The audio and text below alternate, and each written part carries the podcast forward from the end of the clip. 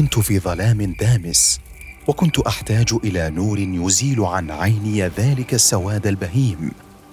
وكان علي أن أمضي حياتي منتظرة أن يهديني أحدهم قبسا من ضياء أو أن أؤجج بنفسي ذلك القبس.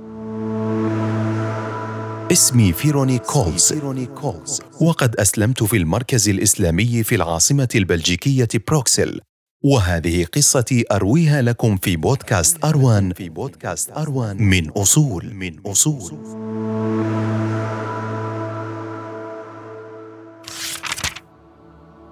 في العاصمة البلجيكية بروكسل وعلى باب المركز الإسلامي وقفت مصممة على تجاوز مخاوفي. ترددت كثيرا قبل أن تسير بي خطواتي إلى هناك. فمسيحيتي وبعض وسائل الإعلام تثير الهواجس في نفسي ولذلك كان لابد لي من معرفة الحقيقة وهذا لن يحدث ما لم أتأكد بنفسي. وبالفعل وجدت في المركز الإسلامي في بروكسل القبس الذي حول حياتي من ظلام حالك إلى ضياء باهر منذ اللحظة التي حصلت فيها على إجابات منطقية لأسئلتي. وكانت النتيجة أن نطقت بالشهادتين. أشهد أن لا إله إلا الله.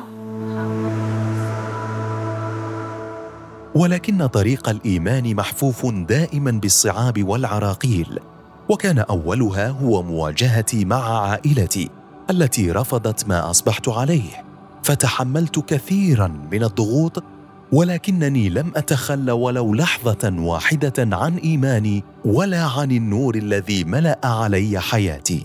بعد اعتناقي الدين الحنيف لاحظت أن الأحكام التي يتخذها كثيرون ضد الإسلام ومعاداة بعضهم الآخر إياه ناتج عن الطريقة الخاطئة التي يتبعها بعض المسلمين في تبليغ رسالة الإسلام. ولذلك فقد أخذت حياة الرسول الكريم صلى الله عليه وسلم منهجا ونموذجا أضرب به المثل للتعريف بالإسلام بالطريقة الصحيحة. واليوم بفضل الله عز وجل استطعت أن أدعو أكثر من ألف شخص إلى الإسلام وكان من بينهم عائلتي التي رفضتني في البداية. وجعلت من منزلي مركزا اسلاميا يعينني في مهمة مواصلة الدعوة إلى الإسلام وليكون المكان الذي يجد فيه الناس قبسهم الذي سينير حياتهم.